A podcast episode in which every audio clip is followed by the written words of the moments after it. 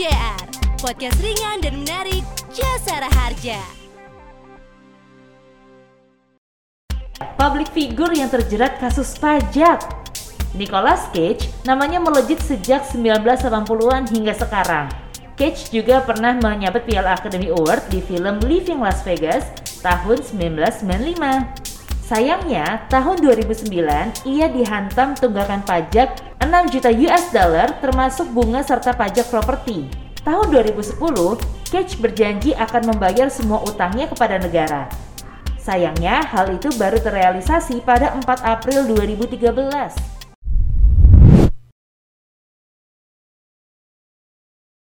Oke. seperti itu. Oke oke. Nah eh, kalau misalnya nih belum punya NPWP nih Pak, Mm. sepenting apa sih buat kita tuh punya NPWP? Ya, NPWP itu uh, penting ya. NPWP uh, kalau buat saya penting karena NPWP itu untuk memperoleh hak perpajakan kita Mm. dan melaksanakan kewajiban. Dia memang sifatnya administratif untuk kantor pajak. Ya. Uh, misalnya nih, saya dipotong pajak nih sama pemberi kerja kita. Eh ternyata pemberi kerja kita motongnya ke kelebihan. Hmm. Misalnya pajak kita harusnya cuman lima persen gitu ya dari 10 juta lah misalnya, cuman lima ratus ribu gitu ya. Tapi dipotong oleh pembeli kerja kita sampai dengan 2 juta, Hmm. gitu kan? Iya, Wah iya. ini kok saya kelebihan nih mau dipotong pajaknya. Nah supaya kita bisa mengembalikan nih yang dipotong itu kelebihan, Hmm. nah, kita harus punya NPWP Mbak Olga. Oh. Nah, oke, jadi untuk oke. memperoleh hak kewajiban aku hak perpajakan Mhm. itu dibutuhkan NPWP. Untuk melaksanakan kewajiban perpajakan juga harus punya NPWP. Oke. Ya, jadi eh, terus NPWP juga penting. Sekarang bank-bank itu kalau mau yang mau kredit, Mbak ya, mudah-mudahan sih Mhm. nggak sampai kredit ya.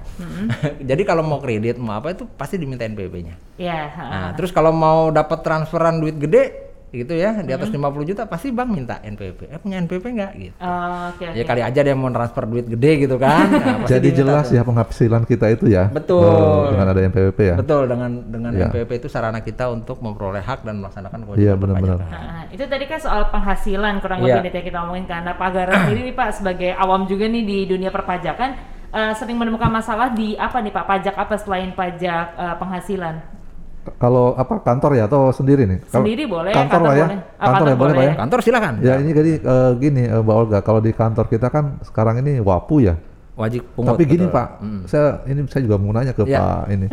kan sekarang kita ini bukan BUMN loh Pak, jasa harga. Ya, ya, ya. Nah apakah masih sekarang masih kita jalani Pak Ya. wa- wajib pungut ya artinya Ya. pajak-pajak yang menjadi itu pemerintah kita kita pungut kemudian kita setor Oke. sesuai dengan eh, apa ketentuannya. Nah ini sekarang saya baru ingat juga tuh Iya, iya. kan IFG sekarang kita Pak bukan eh, BUMN. Nah saya mau naik ke Pak Fayudi nih. Iya. Kita masih wapu nggak sih? Masih Untuk- Pak. Masih ya. Masih termasuk BUMN. Karena apa? Karena sahamnya Jasara Harja ini ini karena restrukturisasi Pak. Iya, betul, dialihkan punya negara tadinya, kemudian Masih ya? dialihkan ke eh, eh, BPUI, saham ya. BPUI Iya. gitu. Jadi jadi masih statusnya masih sebagai BUMN. Masih. Iya. Ya kita itu mbak, eh, kita wapu ya, kita eh, wapu untuk eh, PPN, udah PPH 22, 23 itu nanti semua tuh rangkaian-rangkaian itu ya sesuai dengan eh, ininya tarifnya kita pungut ya pak ya. Betul. Kan pajak tuh ada tiga, ada ini ya. Kalau untuk eh, BUMN tuh fungsinya eh, apa eh, memungut,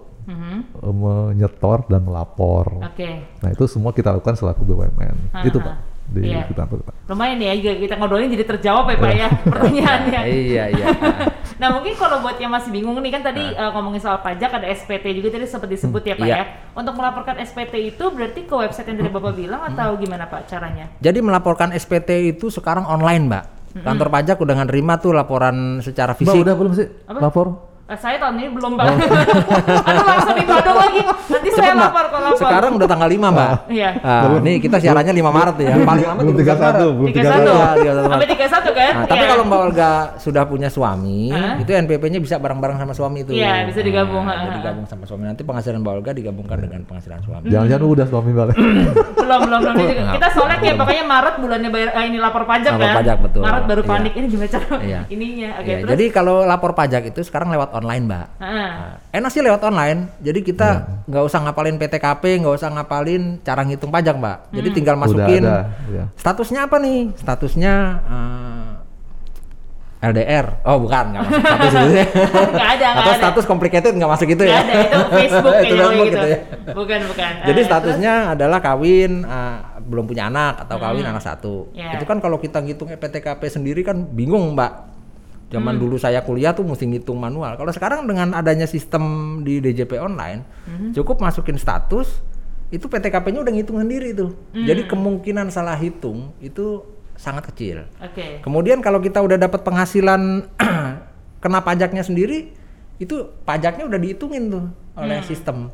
Jadi tidak uh, kemungkinan salah ngitung pajak itu kecil. Oke. Nah, jadi uh, dengan masuk ke namanya DJP online, Mbak. Mhm. Tapi memang untuk masuk DJP online sekali-sekali lah mesti main ke kantor pajak ya. Nah, minta Evin itu, Mbak. Evin bilang. Ah, minta Evin untuk masuk pertama kali ke DJP online. Nanti kalau udah dapat Evin, masukin NPWP, masukin Evin, ah, silakan tinggal dirubah dengan password eh, suka-suka kita. Ya. heeh. Nah, itulah nanti yang akan lewat email nanti semuanya semua lewat eh, elektronik. Mhm. Nanti tanda terimanya juga eh, lewat email ya. Jadi emailnya jangan ganti-ganti kalau bisa. Ya.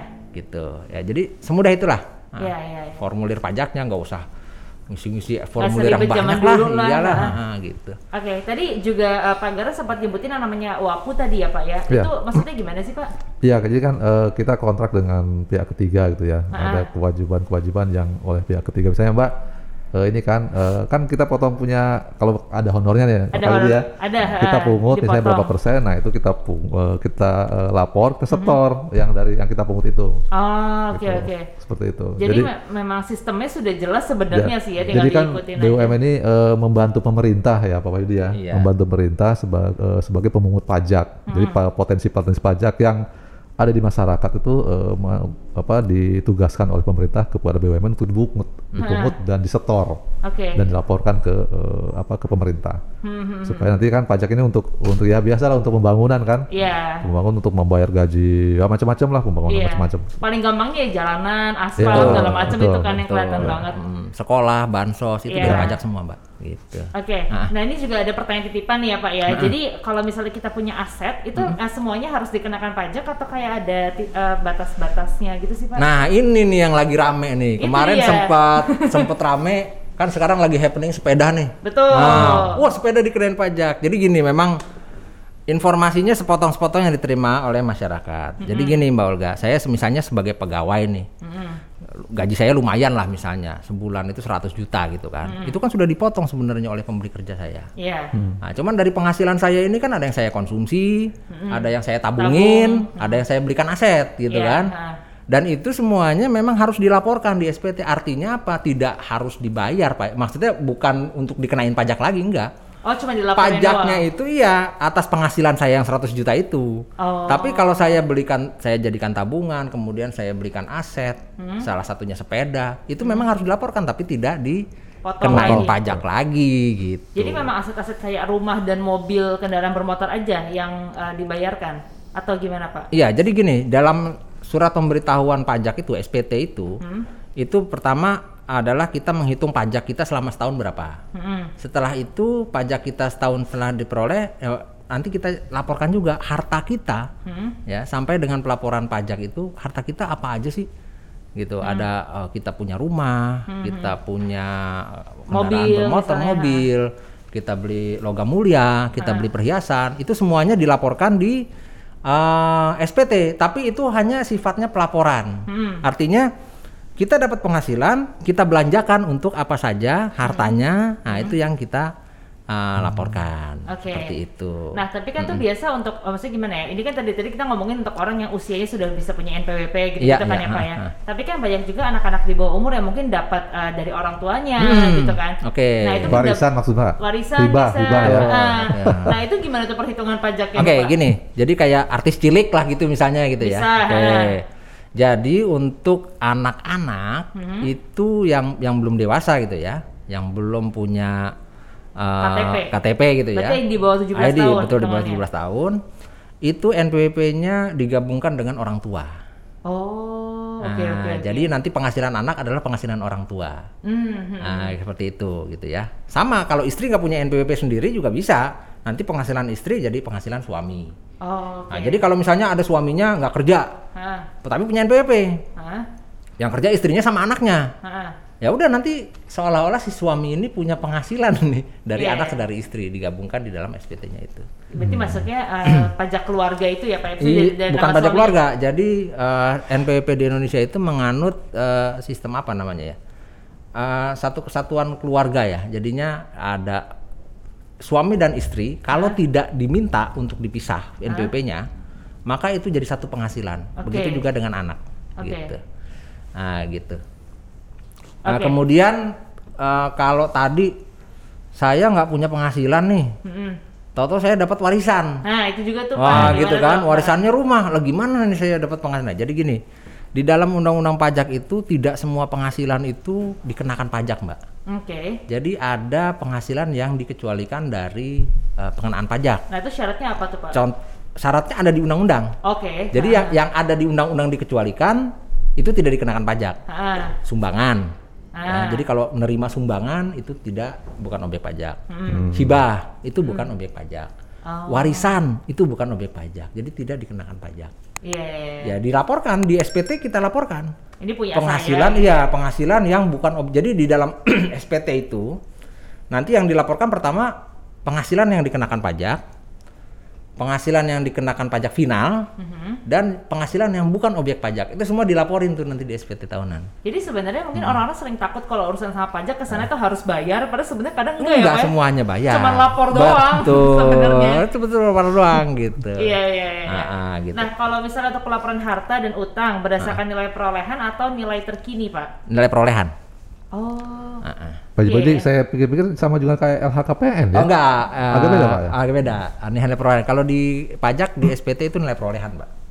Hmm. Hmm, jadi nilai perolehan yang di eh, ca- Ya kalau LHKPN kan nilai, Ya, eh, nilai- wajar, nilai wajarnya. wajar sekarang Betul, saat ini ya. Oke oke. Mhm. Jadi nilai perolehan. juga eh, apa namanya Jasran kan udah nitip pertanyaan nih Pak. Hmm. Jadi saya mau baca dari Shalabiraf.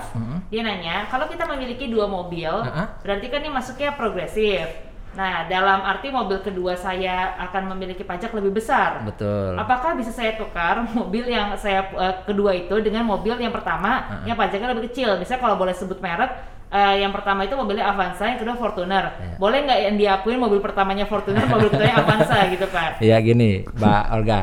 Jadi terkait dengan pajak itu ada dua. Hmm. Ada pajak daerah, ada pajak yang dikelola oleh pusat. Mm-mm. Pajak daerah itu nanti dikelola oleh Dinas Pendapatan Daerah. Oke. Nah, pajak daerah ini terma eh, pajak kendaraan bermotor ini termasuk dalam kriteria pajak Daerah. ya. daerah. Jadi nanti dikelolanya oleh Dispenda eh, ya? Dispenda. Oke. Ah, terkait dengan kendaraan bermotor ditukar gitu, itu kayaknya nggak bisa deh mbak. Oh berarti ya Nggak ya, bisa, karena mana duluan yang lebih Yang duluan, ini ya. kan, yang lebih. Karena ada tahunnya juga ya Iya, sebenarnya. ada tahunnya juga, tahun perolehannya kapan. Ah, kan ah, itu kan tercatat juga di Samsat tuh di eh, apa namanya di Dispenda ya. Ah, ah, Di Dispenda tercatat, di Dirlantas juga tercatat. Kapan nih diperolehnya gitu. Jadi nggak Iya, bisa iya. kayaknya. Iya, dengan tujuan pengen lebih Tujuan murah tapi nggak bisa ya. bisa, gitu. Nggak bisa. Masih ah, enggak, masih mau nyari untung juga ya. Lumayan Pak progresifnya Iya, soalnya. Pak. iya makanya kayak mungkin banyak yang kepikiran juga ya. Kalau ditukar bisa nggak sih biar nggak mahal. Iya. Terus abis itu uh, ada pertanyaan berikutnya dari Bayu. SN. Misalnya motor saya mau dijadikan motor khusus untuk racing. Iya. Uh, dalam arti sudah sangat tidak sesuai dengan STNK Iya. dan hanya dipakai di arena balap. Ah. Nah, apakah saya harus tetap membayar pajak dan terhitung Iya. uh, nya pajak itu dengan CC motor original atau setelah dimodif? Oke. Oke, ya. Ah, jadi eh, untuk ketentuan, eh, nah tadi ini, kalau untuk ketentuan pajak pusat tadi Mbak, ya PPH, eh, PPN itu ya, itu yang menentukan tarifnya itu memang sudah diterapkan undang-undang, nah, tapi eh, objeknya penghasilannya kita sendiri yang melaporkan. Nah untuk pajak pajak kendaraan ini kan pajak daerah, Ah. itu masing-masing daerah beda-beda tuh Oke. penerapan peraturannya. Nah terkait dengan perubahan CC dan sebagainya, itu kalau ngikutin ketentuan yang ada di Dirlantas ini sebenarnya eh, kepentingannya sama Dirlantas nih, bukan Oh, iya. bukan sama bukan sama Dispenda. Hmm. itu wajib dilaporin. Orang ganti warna aja harus dilaporin sama dirantas. Jangan Iya. masuk barang mewah kan udah dirubah jadi Iya. motor cross. Iya, Iya, iya, itu iya. kan ada nomor mesin. Nah itu Iya. itu ke Dirlantas. Tapi terkait dengan pajak, kalau menurut saya itu tidak berubah ya. Harusnya tidak berubah. Harusnya tidak berubah, iya. Iya, iya. iya. Harus tidak berubah. Oke, ini mudah-mudahan Karena kan dasarnya dari faktur pembelian kendaraan. Ah. Ini mudah-mudahan sudah terjawab pertanyaannya tadi dan kalau mau ditip pertanyaan silahkan ke PT. Tapi ada yang kebalikan juga Mbak. Apa Ada mobil-mobil yang mewah, tapi mesinnya mesin Oh. mesin apa? Mesin apa? Iya, iya. eh, bodong gitu. Mesin bodong. Nah, itu Iya. masuk mana coba? Nah, itu masuk penjara pak kalau itu pak.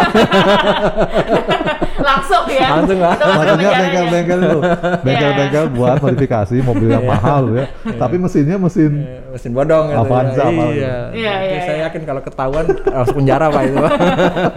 Makanya udah hidup lempeng-lempeng Oh, aja lah ya. lah. nah ini soal profesi juga sih Pak, Iya. mungkin banyak yang penasaran gitu ya awalnya Iya. pengen jadi konsultan pajak tuh gimana? Karena kan ini kayak menurut saya sebagai Iya. awam, ini urusannya tuh ribet gitu loh kayak banyak Iya. banget yang harus dihafalin gitu.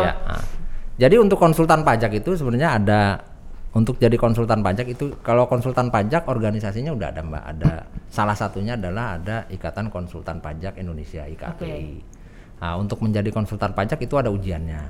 Nah, tapi untuk pendidikan ke menjadi orang tahu pajak Heeh. itu sebenarnya dari SMA harusnya sih ini sebenarnya belum dari SMA cuman harusnya saya punya usul ke pemerintah itu dari SMA seharusnya sudah diajarin tuh gimana sih pajak itu apa sih ngitungnya gimana sih gitu kan Iya, karena mereka akan nantinya Betul, juga terutama masuk dunia terutama kerja yang gitu. yang masuk jurusan sosial hukum ya soshum Iya. ya itu harusnya sudah mulai diajarkan terkait dengan pajak nah kalau selama ini supaya tahu pajak ya kuliah ada jurusan paj- perpajakan ada ya. kalau kita masuk jurusan akuntansi pun diajarin juga perpajakan. Ya, tapi ya nggak terlalu dalam lah.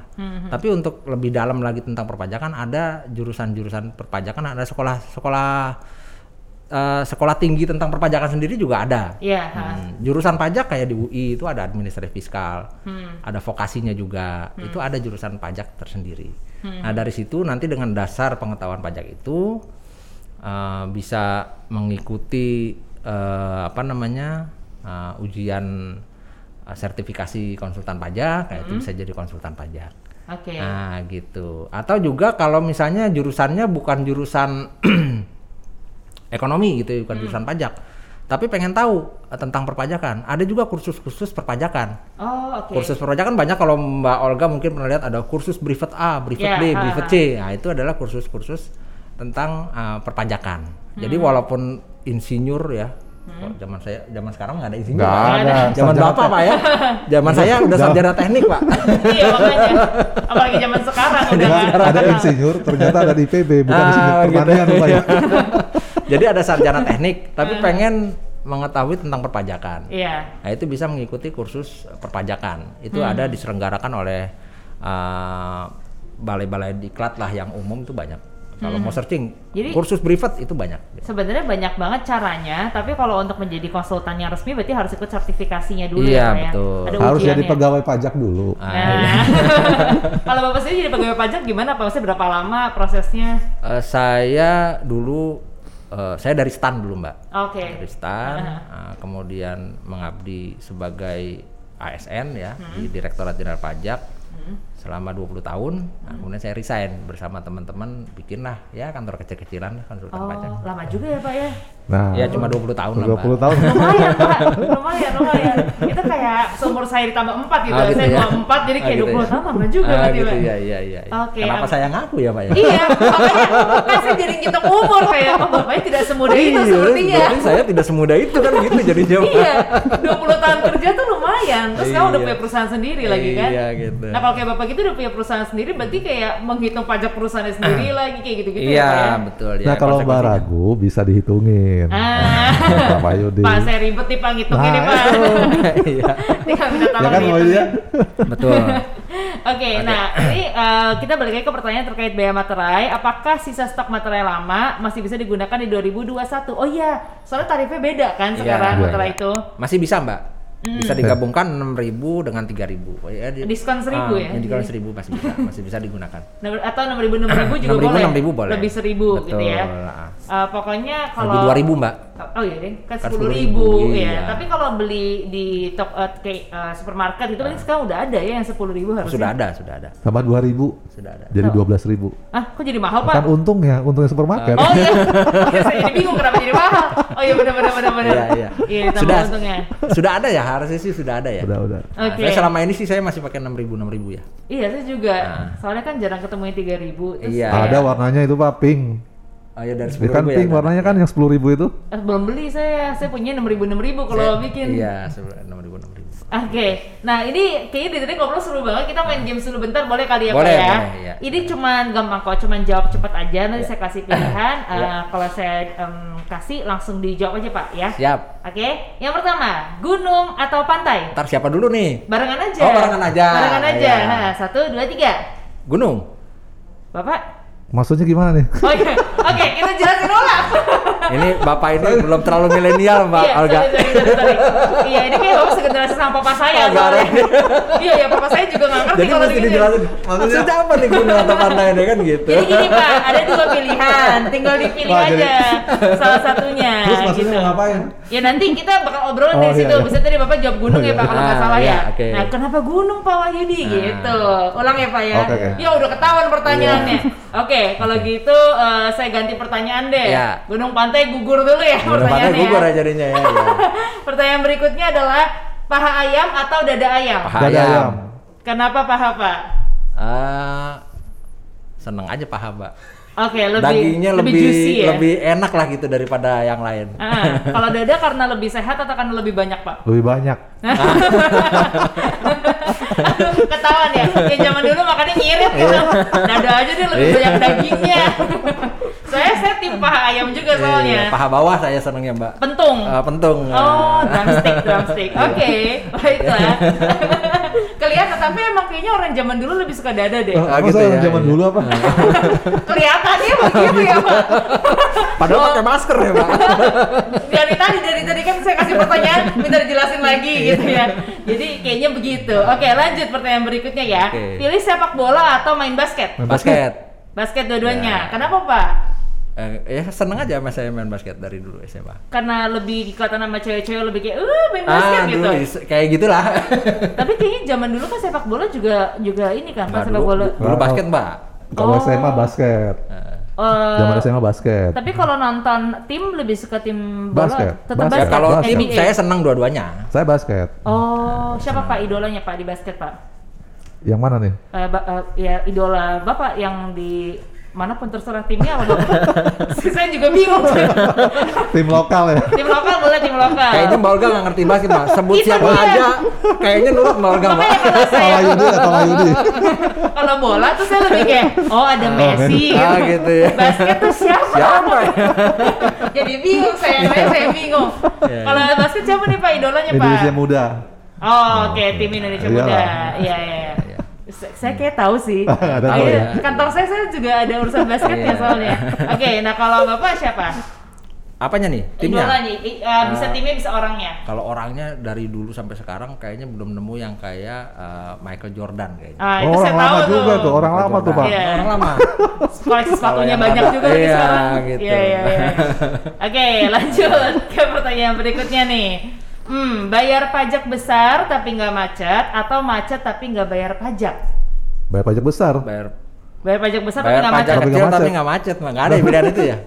Ada ada bayar pas, Bayar pajak kecil besar. tapi nggak macet nggak ada ya? Nggak ada dong. nggak ada. saya. Ada.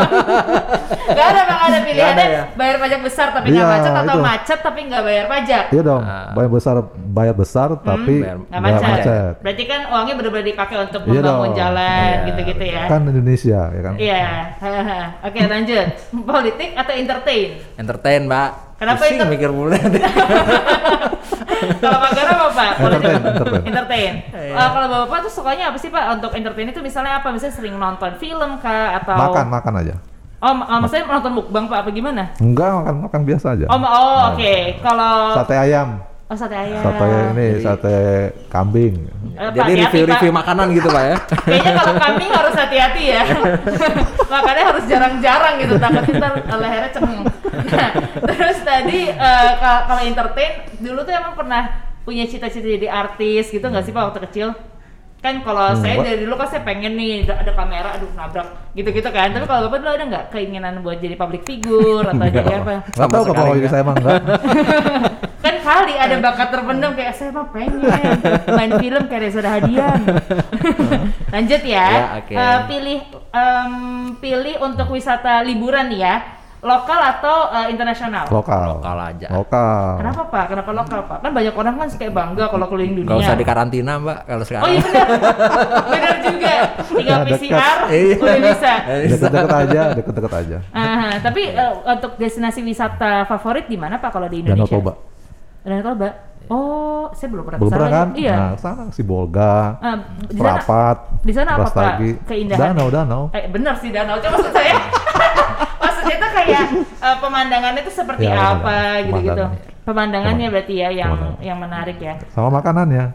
Kan ada pulau di situ. Ah, Nah, di situ eh, di Prapat ya waktu itu ah. tinggal naik ini, naik Getek. kapal. Oh, Ah, kapal. kapal besar. Oh ya nggak mungkin naik Nah, di pulau di pulau itu ada eh, makam. Oh. Ya, ada sejarah di sana. Oke oke. Kalau makanan khas sana apa Pak? Saya kalau makanan Medan biasanya makannya di lapo gitu. Mirip-mirip Padang lah. oh mirip Padang. Eh, pedas pedas banyak bumbunya. Ya, santan gitu ya. kayak gitulah. Oh oke. Kalau Pak Wahyudi Pak liburan di Indonesia Ah. sukanya di mana? Yang berbau-bau pegunungan lah saya senangnya yang Oh. segar.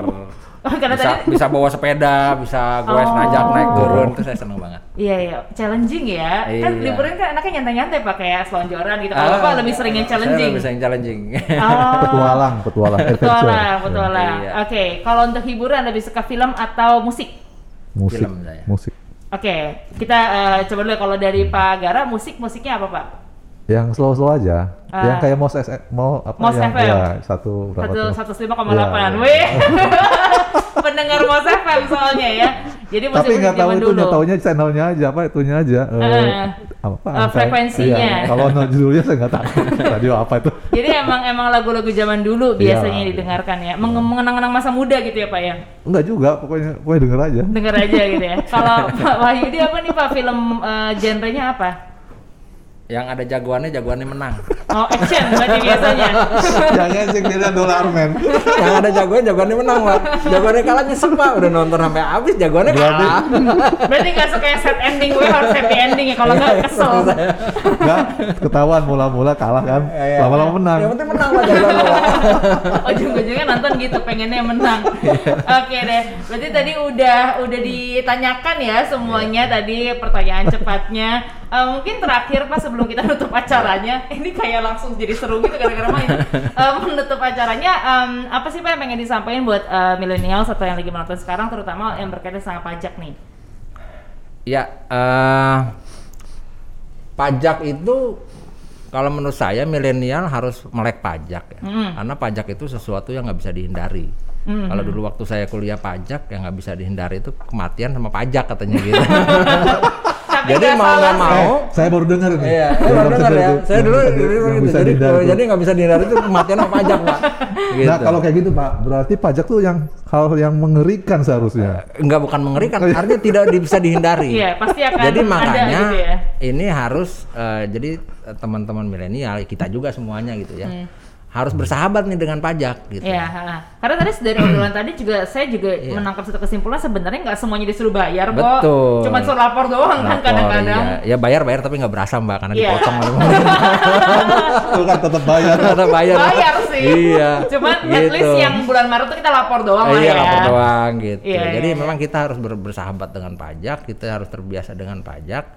Ya intinya milenial harus melek pajak. Ini Hmm. challenging juga buat pemerintah supaya eh, apa namanya eh, sosialisasi tentang pajak ini itu mulai jangan di level kuliahan lah. Iya. Udah mulailah harus turun ke level SMP, eh, SMP ya sekarang apa SMP? S- SMP? SMP. SMP masih ya SMP. Masih ada, masih ada. SMP, SMP. Mulai berasa ini beda generasinya. Jangan sampai saya, jangan Satu sampai saya. 12. Bukan. Iya, jadi mulai mulailah masuk ke situ. Jadi Ah. Uh, pajak itu apa? Kenapa harus bayar pajak? Karena memang pajak ini ya itu tadi sesuatu yang nggak bisa dihindari, Pak. Dan pada saat mereka masuk ke dunia kuliah, itu kan kadang-kadang Iya. ada yang nyambi ambil freelance apa, jadi udah Iya, harusnya udah terhitung harusnya sudah tahu pajaknya. pajaknya. Jadi itu Iya, yang iya. saya- Oke, kalau dari Pagara Pak? Kalau saya sih eh, sekarang karena memang eh, pemerintah tuh eh, meru- eh, pajak yang merupakan sumber pendapatan yang paling besar ya Pak Wahyu ya. Betul, betul. Sekitar 70% itu pendapatan penerimaan pemerintah itu dari sektor pajak. Nah, kita harus bangga. Bangga membayar pajak. ya. Jadi dengan membangga itu muncul kesadaran untuk membayar pajak. Pajak yang kita bayar itu memang tidak berefek langsung pada kita, tapi kepada pembangunan yang sedang kita jalankan. Iya. Bikin jalan, bikin gedung, Iya, bendungan iya. segala macam. Itu Kayak yang yang kita tiba-tiba jadi punya MRT gitu-gitu ya, Pak seperti ya. itu. Betul. Itu aja Mbak. Jadi banggalah membayar pajak. Tuh, bangga bayar pajak ya. Ayo kita semua lapor bulan Iya. Maret nih. Terima Iya. kasih banyak ya Bapak Iya, buat sesinya hari ini menyenangkan sekali. Iya. Nih mudah-mudahan jadi pada taat pajak dan juga bayar pajaknya.